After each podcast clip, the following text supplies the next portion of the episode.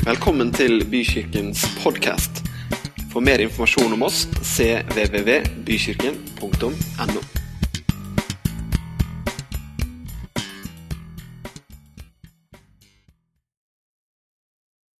Takk, Herre, for at vi kan få løfte ditt store navn opp.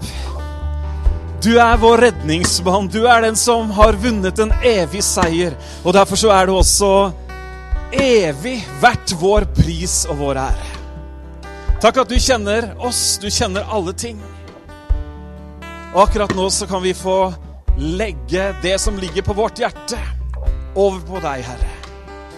Sikkert noen som har ting de bærer på, ting de opplever som vanskelig. Da er de gode nyhetene at Jesus, han er den som løfter. Han er den som rører ved oss fordi han elsker oss. Så vi takker deg, Herre, for at du er den Gud som er mektig, og som lever, og som rører ved ditt folk, Herre. Takk for at din helbredelse, den er til stede her. Takk for at du er den som gir ny styrke. Du er den som kommer med nytt mot. Du er den som gir evig liv og et håp for framtiden. Vi ærer deg, og vi takker deg. Og alle sammen sa amen. Da kan du få lov å sette deg ned. Tusen takk til dere som eh, så trofast leder oss i lovsang. Det er vi uendelig takknemlige for. Det er eh, veldig bra å være her denne søndagen. Det er jo alltid gøy når det er et eller annet sånn ekstra som skjer. Og i dag så er det jo det at Tentro-elevene er her sammen med oss. Jeg eh, er jo sammen med veldig mange av de veldig ofte ellers òg. Men det er veldig gøy å ha dere her i gudstjenesten. Og til dere foreldre som ikke vi vanligvis ser her i kirka, så har jeg lyst til å takke for tilliten. Vi skal eh, forsøke å leve opp til forventningene gjennom det året her. Og vi tror at det blir et kjempebra år. For noen så blir det en fortsettelse av noe de har begynt på. For andre så får de substans, de får tyngde, de tar valg som vi vet og tror at eh, har stor påvirkning for framtiden. Så det er vi veldig glad for. Sitter du godt? Ja, det er bra. Han satt godt også, han eh, Jacobsen, på tredje rad i en kirke ikke så langt herfra. Presten gikk på talerstolen, som han eh, gjorde hver eneste søndag. Og du vet, det er jo alltid noen sånne yrkesskader som kan eh, skje. og det er klart Når du har kanskje preka over samme teksten mange ganger, så kan det jo skje en og annen forvirring. Og denne gangen så var kanskje ikke dagen den beste dagen på jobb. Så presten han åpner evangeliene og drar i gang historien om når Jesus metter fem stykker med 5000 brød og 2000 fisk. Jacobsen, som ofte hadde en kommentar, og som eh, ikke alltid klarte å holde den inne, han eh, ytret det fra tredje rad at han var neimen ikke mye imponert over at Jesus klarte å mette fem stykker med 5000 fisk og 2000 brød. Presten som var gammel i faget, han syntes dette her var litt ille. at han hadde gjort en sånn feil. Så det fulgte han litt, både den syrlige kommentaren fra Jacobsen og utover i uka så tenkte han jeg skal jammen ta den teksten en gang til. og da skal jeg gi et lite stikk til Jacobsen også. Så han eh, blar opp evangeliene nok en gang. Han hadde sikkert funnet en ny vinkling på en god historie og på en, et fantastisk mirakel. Men i hvert fall så forteller han da om Jesus som metter 5000 menn, foruten kvinner og barn, med fem små brød og to små fisk. Og så sier han, 'Det hadde ikke du klart, Jacobsen'. Men Jacobsen han hadde en kommentar på lur. han. Jo, det hadde gått greit. Jeg hadde bare tatt det som ble overs fra forrige uke.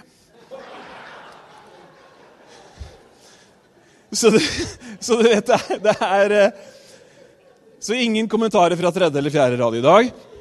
Men det kan jo hende at en og annen stokker om på noen ord også. Men i alle fall så skal vi lese det som er hovedteksten i dag.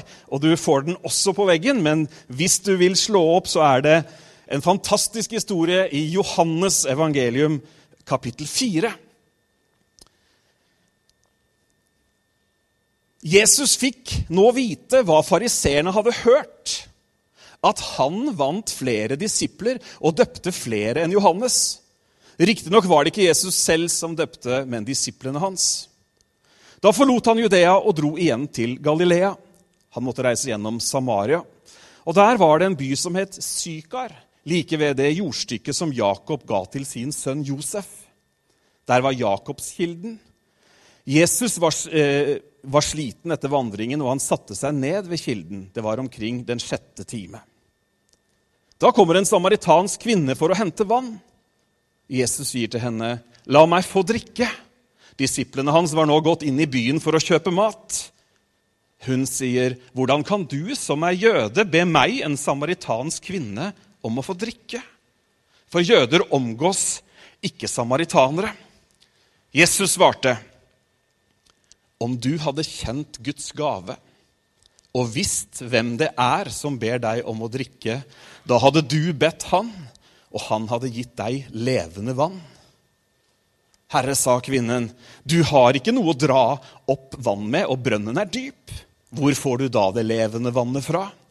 Du er vel ikke større enn vår stamfar Jakob? Han ga oss brønnen, og både han selv, sønnene hans og buskapen drakk av den. Jesus svarte, den som drikker av det vannet, av dette vannet, blir tørst igjen. Men den som drikker av det vannet jeg vil gi, skal aldri mer tørste.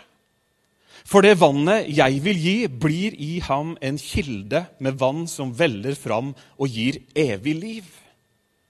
Kvinnen sier til ham, 'Herre, gi meg dette vannet, så jeg ikke blir tørst igjen' 'og slipper å gå hit og hente opp vann.' Da sa Jesus til henne, 'Gå og hent mannen din, og kom så hit.' 'Jeg har ingen mann', svarte kvinnen. Du har rett når du sier at ikke du har noen mann, sa Jesus. For du har hatt fem menn, og han du, har, han du nå har, er ikke din mann. Det du sier, er sant. Herre, jeg ser at du er en profet, sa kvinnen. Våre, for, våre fedre tilba Gud på dette fjellet, men dere sier at Jerusalem er stedet der en skal tilbe. Jesus sier til henne, tro meg, kvinne, den time kommer da det er verken på dette fjellet eller i Jerusalem dere skal tilbe.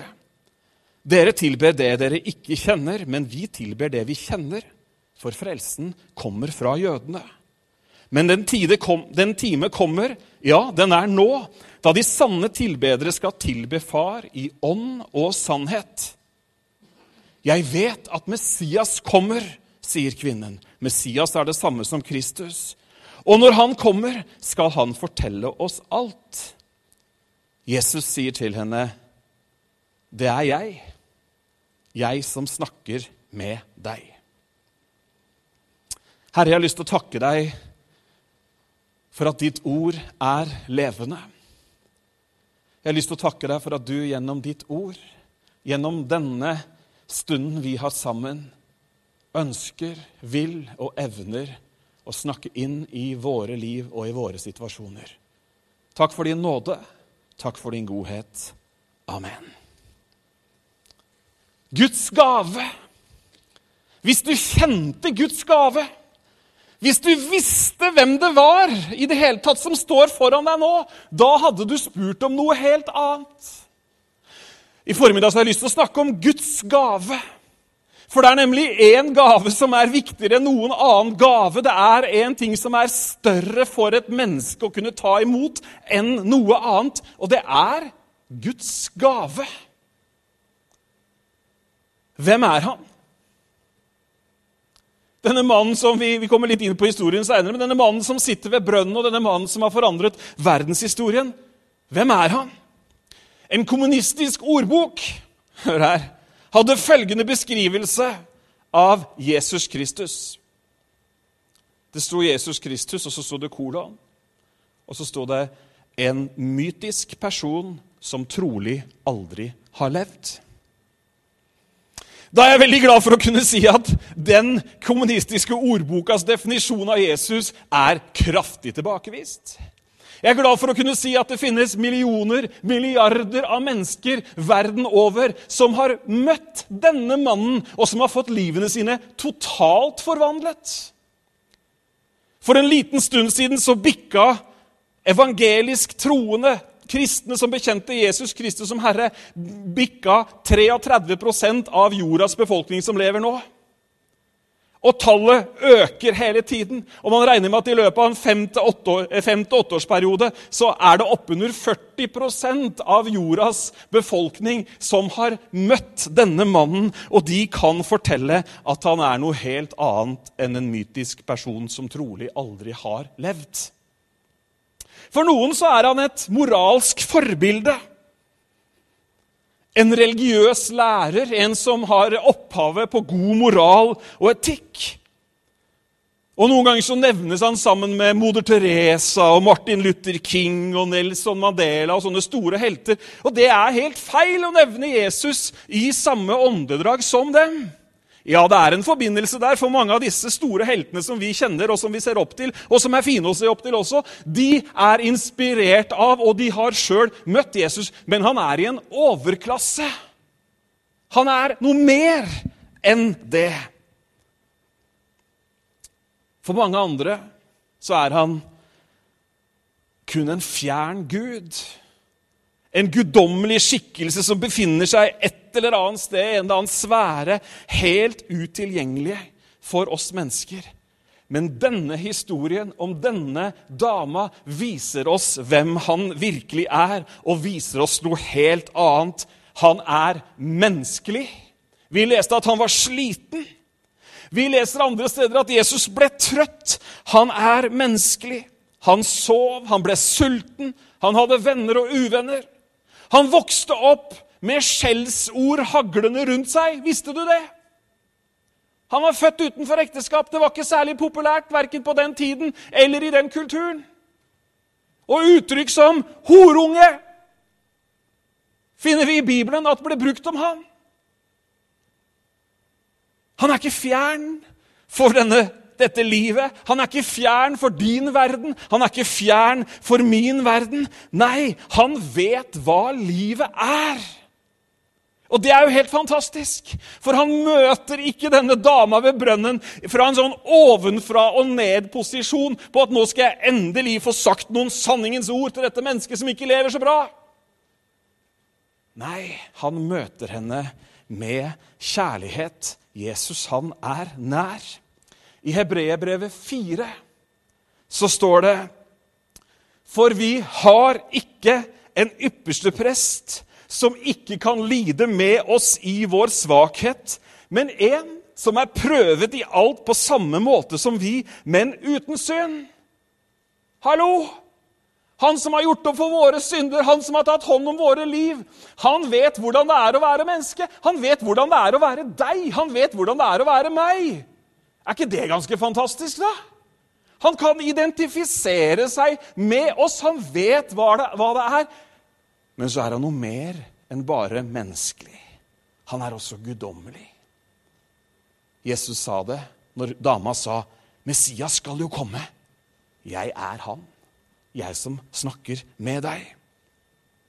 I et annet sted i jeg har ikke det på skjermen, der står det, 'Derfor så har han også' fullkomment makt til å frelse de som kommer til Gud ved ham. Det er Jesus. Det er denne Jesus, folkens, som hjelper, og som kan og som vil hjelpe denne samaritanske kvinnen, og som kan og som vil hjelpe deg og meg midt i vår hverdag. Vet ikke hvordan det er med deg, men jeg trenger hjelp innimellom. Skal vi lukke øynene og bekjenne? Nei. Men livet er ikke alltid så lett. Jesus Kristus, hør. Han er nær. Han er en som redder. Han er en som bryr seg. Han er en som hjelper. Hvem er han? Han er verdens frelser. Hvordan er han, da? Denne Guds gave. Denne historiske skikkelsen som eh, er umulig å motbevise eksistensen hans. Følgende av hans liv og virke, det ser vi i dag. Vi er et resultat av det. Men hvordan er denne Jesus, da? Hvis du spør fem på gata, så får du mange forskjellige spørsmål. Og veldig mange tror at Jesus er en streng og dømmende Jesus. Noen tror han gikk ut rundt med en pekefinger. Vet du hva som er sannheten? Sannheten er at Jesus, Guds gave, er den mest kjærlighetsfulle person som noen gang har satt sine bein på jorda. Hallo? Det finnes ikke noen som overgår han i kjærlighet. Og så blir allikevel ofte kristne beskyldt for å være dømmende, for å ha intens pekefingerbruk. Og det er trist å måtte si at i mange tilfeller så er det også sant. Hvor mange kjenner ikke du som sitter med en oppfatning av kristne at det er noen mørke menn og mørke kvinner som er opptatt av å fortelle hva alle andre har gjort galt? Hvis det er det som er, som er identiteten til en kristen Jeg håper ikke det er noen av de her. Men da hadde det nesten vært bedre om du slutta å presentere deg som kristen. For budskapet er noe helt annet. Hvordan er han? Jeg skal lese et vers som de fleste har hørt, som de fleste nesten kan utenat, men jeg leser det en gang til, for det er veldig kraftfullt og det er veldig sterkt, og det står i Johannes 3, 16. Og det svarer på 'Hvordan er han?' For så høyt har Gud elsket verden at han ga sin sønn den enbårne, for at hver den som tror på ham, ikke skal gå fortapt, men ha evig liv. Gud sendte ikke sin sønn til verden for å dømme verden, men for at verden skulle bli frelst ved ham. Ta denne dama ved brønnen, da. Det var jo åpenbart hva slags dame det var. For det første så var hun ved brønnen midt på dagen. Det er ikke da man drar til brønnen. Det er altfor varmt. Det var, det var rundt eh, tolvtida, sjette time på dagen. Det er klokka tolv om dagen. Hun sørga for å unngå å hente vann når alle de andre henta vann. Hvorfor? Jo, fordi hun hadde gjort ting. Hun hadde levd på en måte som gjorde at de andre religiøst korrekte menneskene, om du vil, de andre som hadde fått det til, de ville ha dømt henne. De ville ha sagt noe. De ville ha slengt med leppa. De ville ha himla med øynene. De ville ha eh, veksla blikk. De ville ha dømt henne. Men når Jesus møter denne dama, så ser vi tydelig at han er full av kjærlighet. Han bryter faktisk flere oppleste og vedtatte regler. Hm. Så full av kjærlighet er han. For det første så var det forbudt å snakke til fremmede kvinner ute blant folk. Det var fullstendig utenfor all kutyme. Og for det andre, at han snakka med en samaritansk kvinne, det liksom dobla det første, den første regelen han brøyt. Jødene og samaritanerne de hata hverandre. Det var ikke bare at det var en og annen svenskevits eller en og annen samaritanervits eller en og annen jødevits. Nei, de hata hverandre. De forsøkte å unngå hverandre fullstendig. Og det var gjensidig. Det var ikke bare den ene veien, men det var gjensidig. Og for det tredje så skulle han ikke, som en rabbi, som en religiøs lærer, så skulle han ikke ha noe med syndere å gjøre. Husker dere presten og levitten i historien om den barmhjertige samaritan? Det var ikke bare det at de var redd for blod. De hadde noen regler, at de hadde ikke lov til å røre ved noen som var en synder. En av hovedgrunnene mest sannsynlig til at de gikk forbi. Det kan vi spørre om når vi kommer opp, altså, så vi får det helt på det rene. men Det er mange, mange teorier der, men, men, det er meget sannsynlig en hovedgrunn. Men Jesus han bryter alt dette her. Hvorfor? Jo, fordi det er en kjærlighet som driver han. Han bryr seg om mennesker. Og Vi ser det ellers i evangeliene også, at han henger med de folka som han ikke skal henge med. Hvis unga dine hadde hengt med sånne så hadde du sagt nå skal vi se om vi ikke kan bytte miljø. Det er sant. Syndere, tollere, prostituerte. Jo, det handler om hvordan han er. Det handler om hvordan Guds gave er. Han er full av kjærlighet. Han er så full av kjærlighet overfor alle mennesker. Også over de som ikke har fått livet til, de som ikke har alt på stell og tyter av prektighet. Han bryr seg om dem også. Han møter alle med nåde og sannhet. Han møter alle med nåde og sannhet. At Jesus er kjærlig, betyr at han er sann. Sann kjærlighet bryr seg, folkens. Sann kjærlighet søker å få meddelt sannheten på en måte som gjør at ikke man lukker alle dører, men allikevel snakker sant om situasjonen. Hør her, vi, vi, møter ikke en Jesus som glatter over det denne dama har gjort galt. Jesus glatter ikke over det du og jeg har mislykkes med i livet. Det er ikke sånn at Jesus han liksom bare Nei, vi er ikke så farlige. Nei, nei, nei, nei, nei. Han møter oss med kjærlighet. Og så er han Messias. Han er Gud. Og så sier han, 'Hvis du tror på meg' da tilgir jeg deg all din synd. Da bærer jeg skammen. Da tar jeg all din tilkortkommenhet. Og så starter, så fødes mitt liv inni deg. Sånn er han, er det ikke fantastisk? Han er full av kjærlighet. Apostelen Johannes han som blir kalt den apostelen som Jesus elsket. De hadde et nært forhold. Også den apostelen som eh, trolig levde aller lengst. Han har skrevet Johannes evangeliet og Johannes breven. Han har skrevet Johannes' åpenbaring. Og han, han sier det om sin kjære, gode venn.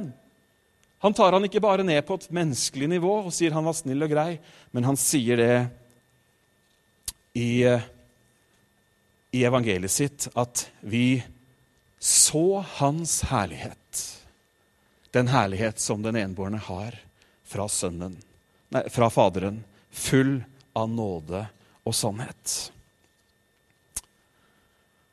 Guds gave. Hvem er han? Hvordan er han? Hva gir han? Hva gir han oss? Guds gave. Hva har Jesus å tilby? På, fredag så hadde vi sånn eh, 'spør om hva du vil' på ungdomsmøtet.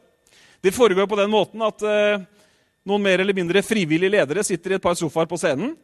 Og Så sitter ungdommene i salen og så har de et, eh, et, et, et mobilnummer som de kan sende spørsmål på, anonymt. Og så skal vi da svare. Vi aner jo ikke hvilke spørsmål som kommer, men vi prøver å svare etter beste evne. Jeg syns vi gjorde det bra, Toril. Enig? Ja, Jon Anders, du er enig du også? Linda? Ja, det, det, det, var ekspertpanelet. Så hvis dere lurer på noe, sånn litt dypere teologiske spørsmål osv., så, videre, så er jeg veldig travel for tiden. Men disse de, de tar det på altså så strak arm at det er helt fantastisk. Men det, det, det gøye, da jeg, jeg, har faktisk en liten plan om at vi skal gjøre det her på en søndag også. Så bare ha mobiltelefonene klare. Det kommer så utrolig gode spørsmål. Og et av spørsmålene da, som kom på fredag, det var ja, hva, hva gir det deg å tro på Jesus? Det er et bra spørsmål. Og det er et spørsmål som hører veldig hjemme i 2018, for vi, vi tenker i alle settinger 'What's in it for me?' Hallo? Hva får jeg ut av det? Denne relasjonen, denne jobben, dette medlemskapet, dette engasjementet. Hva gir det meg? Vet du hva som er et problem i frivillighet nå? Korte, hyppige engasjement av folk som melder seg til tjeneste og som forsvinner igjen. Det var en som ble spurt trenger dere trenger dere flere frivillige. En stor organisasjon de hadde over 400 frivillige. Egentlig ikke sånn. Vi trenger bare at de blir de vi har. Så fortalte han mange virker det som. Og han hadde mange historier han kunne dra fram. Mange tar et frivillig engasjement for en tid for å kunne ha det på CV-en. Da, da, det er fint at du hjelper til, men da har du på en måte gått inn med litt dobbeltmotiv. Er du enig? Ja. Men i alle fall, de, de stilte oss spørsmålet da, hva, er, eh, hva, som, hva, hva, gir det oss å tro? For det er jo sånn at han, han faktisk gir noe. Og nå anbefaler jeg jo ingen å søke søke Jesus og ta imot han for å liksom finne ut hva er det egentlig som er i det. Altså, Kan jeg vinne noe på dette? her? Kan jeg få posisjon? Kan jeg få makt? Kan jeg få det ene eller det andre? Altså, da, det er litt feil innfallsvinkel, kan du si. Men han gir. Det kommer vi ikke utenom. altså, Det står så mange steder her at han gir. Og han gir og han gir og han gir. Og han gir. Og det er så mange ting som på en måte er en følge av å møte Jesus. Tiden vår er veldig full av at vi søker noe som kan gi, eller noe som kan gi oss noe. I vår del av verden så har vi en eh, hurtighet på vår materialistiske drive som nesten ingen andre land kan konkurrere med. Jesus sier, 'Den som drikker av dette vannet', peker på dette vanlige vannet, den blir tørst igjen. Sånn er det med alle de tingene som vi prøver å la gi oss noe. Det varer ikke lenge. Det er sånn at ett ønske oppfylles for å erstattes av et nytt ønske. Det er sånn at én tilfredsstillelse gjør bare behovet for mer tilfredsstillelse av samme kategori nødvendig. Det er det vanlige fysiske livet. Man blir tørst, man vil ha, så må man oppleve, for så å bli tørst igjen, for å oppleve en gang til. Og det er jo sånn i hvert fall når det gjelder det fysiske vannet og masse annet fysisk i livene våre, at vi må gjøre det igjen og igjen. Men Jesus, han tilbyr noe annet. Han har en gave, han er sjenerøs. Og han vil til og med gi denne gaven til denne dama som var så sett ned på som hele byen visste hva holdt på med. Om du hadde kjent Guds gave og visst hvem det er som ber deg om å drikke det, hadde du bedt han, og han hadde gitt deg levende vann. Jeg vet ikke hva, om du har fått det spørsmålet som vi fikk på fredag. Hva gir det? Hva gir han deg? Hvis du hadde visst hva Gud vil gi. Eller kanskje du vet hva han vil gi. Noen vet kanskje ikke engang at han har en gave, men han har en gave. Og jeg vil at du skal vite det. Han har en gave til deg. Akkurat der hvor du er. Men den som drikker av det vannet jeg vil gi, skal aldri mer tørste. For det vannet jeg vil gi, blir i ham en kilde med vann som veller fram og gir evig liv.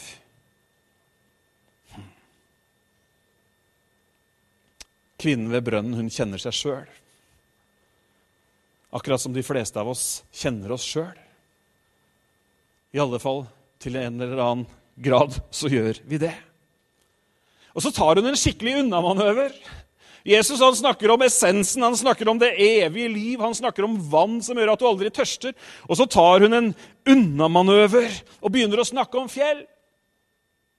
Altså egentlig ikke fjell, men hun begynner å snakke om hvor de sier vi skal tilbe, og hvor de sier vi skal tilbe, osv., osv. Det er ikke fjellene hun er så interessert i. Men man søker å rette oppmerksomheten mot noe annet enn det personlige livet.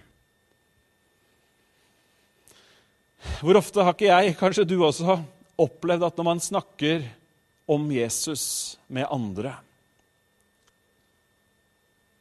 både troende og ikke-troende De som tror litt, de som ennå ikke tror, osv. Så, videre, så kan man lett ende opp i et tema. Ende opp i et ende opp i at troen blir på en måte et, et tema man snakker om. Man snakker om tema Gud, tema kristne, tema teologi. Jesus sier det er ikke det som er interessant. Det å ha med, de, de riktige meningene, det å kunne legge ut det ene og det andre, det er ikke der skoen trykker.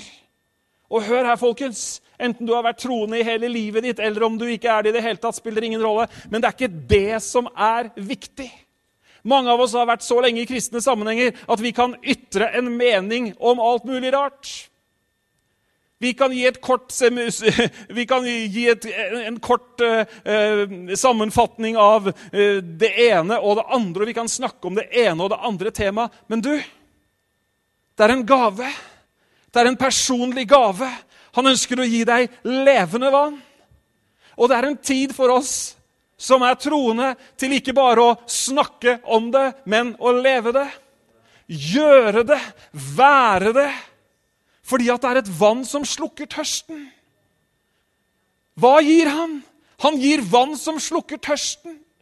Hva gir han? Han gir en tilfredsstillelse i livet som gjør at vi kan slutte å jage etter det siste og det beste og det som alle andre har. Hvorfor? Jo, fordi vi kan si som David Han metter min sjel. Hva gir han? Han gir levende vann. Det er bra med en og annen intellektuell diskusjon. Jeg sa ingenting feil om det. Det er fint også at man stikker hodene sammen og sjekker om teologien er i samsvar med boka. Det er ikke det jeg snakker om i det hele tatt. Men jeg har opplevd også, helt personlig, når jeg snakker med troende venner osv., at når man snakker om det som har med det livet Gud har gitt å gjøre, så kan man lett bare sitte og dra opp historier fra noe som en gang har vært. Men han ønsker å gi deg levende vann nå. Tro meg, kvinne, den time kommer da det verken er på dette fjellet eller i Jerusalem dere skal tilbe Far. Men den time kommer, ja, den er nå, da de sanne tilbedere skal tilbe Far i ånd og sannhet. For slike tilbedere vil Far ha. Gud er ånd, og den som tilber ham, må tilbe i ånd og sannhet.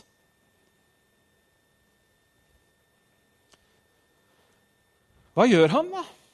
Guds gave. Hva skjer? Hva skjedde med denne dama som åpenbart tok imot Guds gave? Hun tok utfordringen fra Jesus, faktisk. Hun, han sa 'gå og hent din mann', osv. Og, og hun, hun løp faktisk tilbake. Om hun henta mannen eller ikke, det vet jeg ikke, men hun kom i hvert fall tilbake til landsbyen. Så preget av å ha møtt Guds gave. Og hun som egentlig ikke ville bli sett, hun som gikk og henta vann sånn at ingen skulle se det, hun løp rundt og sa, 'Jeg har møtt en som har fortalt meg alt jeg har gjort.' Han skulle vel ikke være Messias? Og det blir oppstandelse i denne her samaritanerbyen. De, de løper ut til, byen, nei, til brønnen, en hel gjeng, og så hører de han. Og så sier de til slutt at nå trenger vi ikke lenger bare å tro det du har fortalt oss. Nå har vi selv møtt han. Denne dama, som i likhet med oss alle, faktisk ikke har orden på alt under overflaten. Fikk et nytt liv. Hun ble tilgitt. Hun fikk et håp for evigheten. Utgangspunktet for møtet med Jesus var kanskje ikke så spektakulært. Det var dårlig med orgelbrus. Det var lite liturgi. Det var ingen skriftlesning. Det var ikke en eh, kampanje, det var ikke en sånn eh, arrangert ramme rundt. Men hun var der midt i livet, midt i det strevsomme. Og så møtte hun han, Guds gave. Og så ba hun han om å få drikke. Hun rakk ikke å ta seg sammen heller. Det er mange som tenker at de skal ta seg litt sammen. Det er, veld, det er ganske mange mennesker som har skjønt at det er noe med Jesus. Veldig mange har skjønt det. Det er veldig vanskelig å stille seg eh, spørsmålet er det egentlig noe med Jesus, eller hvem, hvem er han? Å stille seg det i full ærlighet. Og ikke begynne å tenke, ikke begynne å Det er faktisk ganske vanskelig.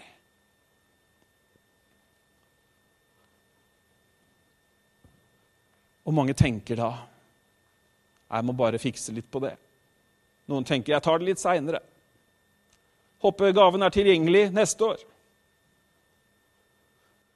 Det ansvaret må du ta sjøl, det vet i hvert fall ikke jeg.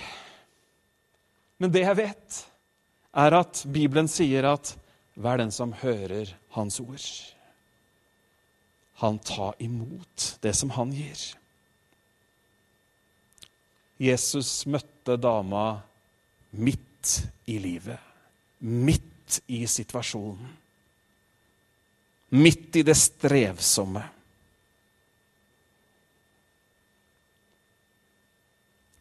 Hva gjør han? Han gir oss det evige livet.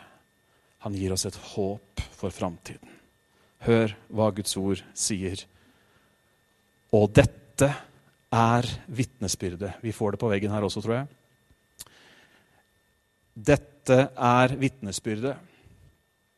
Gud har gitt oss evig liv, og dette liv er i Hans sønn. Den som har Sønnen, har livet, men den som ikke har Guds sønn, har ikke livet.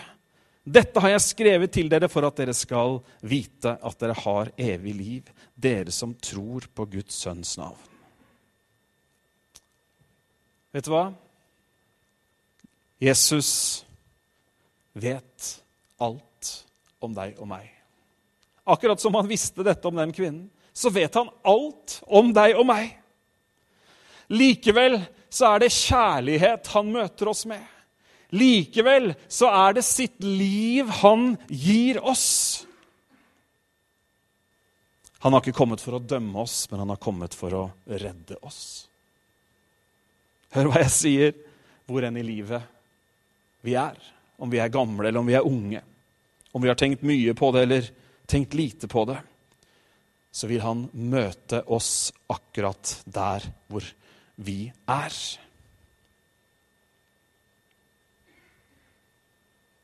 Guds gave er en gave som du kan få ta imot. Vi skal be sammen, og jeg ber lovsangeren om å komme opp. Så kan vi reise oss der hvor vi sitter.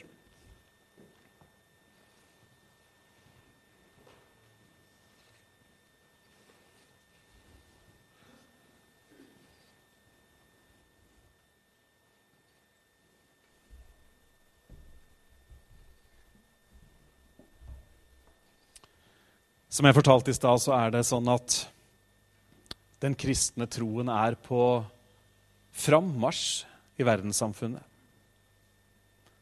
Nasjoner og nye steder, de får høre, og det skjer, skjer veldig mye bra. Det er mange mennesker, dere. Bare her i rommet så er det masse mennesker, mange historier, som har fått livene sine totalt forvandlet. Ikke fordi de har tatt seg sammen og blitt en prektig utgave av seg sjøl. Ikke fordi de har eh, sagt ja til et sett religiøse regler, ikke fordi de er så moralsk korrekte og det ene og det andre. Nei, ene og alene fordi at eh, de har tatt imot Guds gave. Og jeg er så glad, jeg er utrolig glad for å kunne stå her i dag og si at det er mulig å ta imot Guds gave fortsatt. Den samme gaven som denne dama fikk ved brønnen, den kan vi ta imot i dag. Og den kan du og jeg som har tatt imot den, vi kan være med på å gi det videre til de menneskene som vi møter. Er ikke det fantastisk? Nei, du syns ikke det? Nei, det kan hende at du bare sov et lite øyeblikk, men det er, det er nemlig helt utrolig. Det er snakk om håp, det er snakk om framtid, det er snakk om evig liv. Det er snakk om syndebyrde, skyldbyrde, skam som tas av fordi at han er Gud. Fordi at han er nær, fordi at han bryr seg.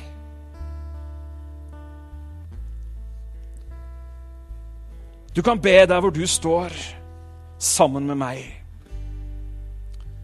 Og du kan sette dine egne ord på at du ønsker å ta imot den gaven. Sånn som denne dama ved brønnen, så kan du sette noen ord på at du er lei deg for at det har blitt sånn som det har blitt. Men at du faktisk ønsker å ta imot den gaven. For andre igjen så tenker du det at den gaven, ja, den har jeg jo egentlig fått.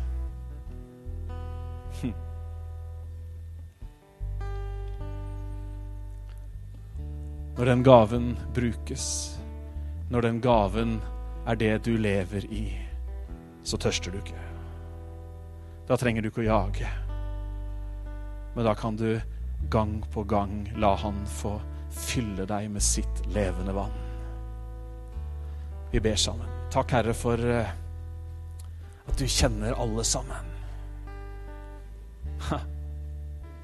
Det er utenfor vår fatteevne utenfor vår mulighet til å resonnere oss fram.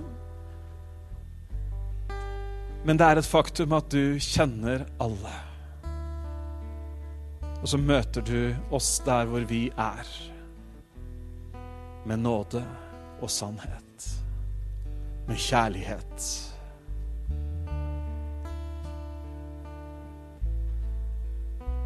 Takk, Herre, for at du snakker til oss ved ditt ord. Takk at vi kan ta imot deg, du Guds gave. Og vi kan be deg om å drikke. Takk at du møter noen akkurat nå, Herre. Jeg vet ikke hvor alle er, men du vet det. Jeg vet ikke hvordan det ser ut bak fasaden, men du vet det. Jeg vet ikke hva historien som har vært, sier, men du vet det. Og midt oppi alt det du vet, så sier du, 'Jeg vil gi deg det levende vann'. Jeg vil gi deg det evige liv. Takker deg, far, ung som gammel. Du kjenner oss. Du elsker oss. Takk, far. Amen.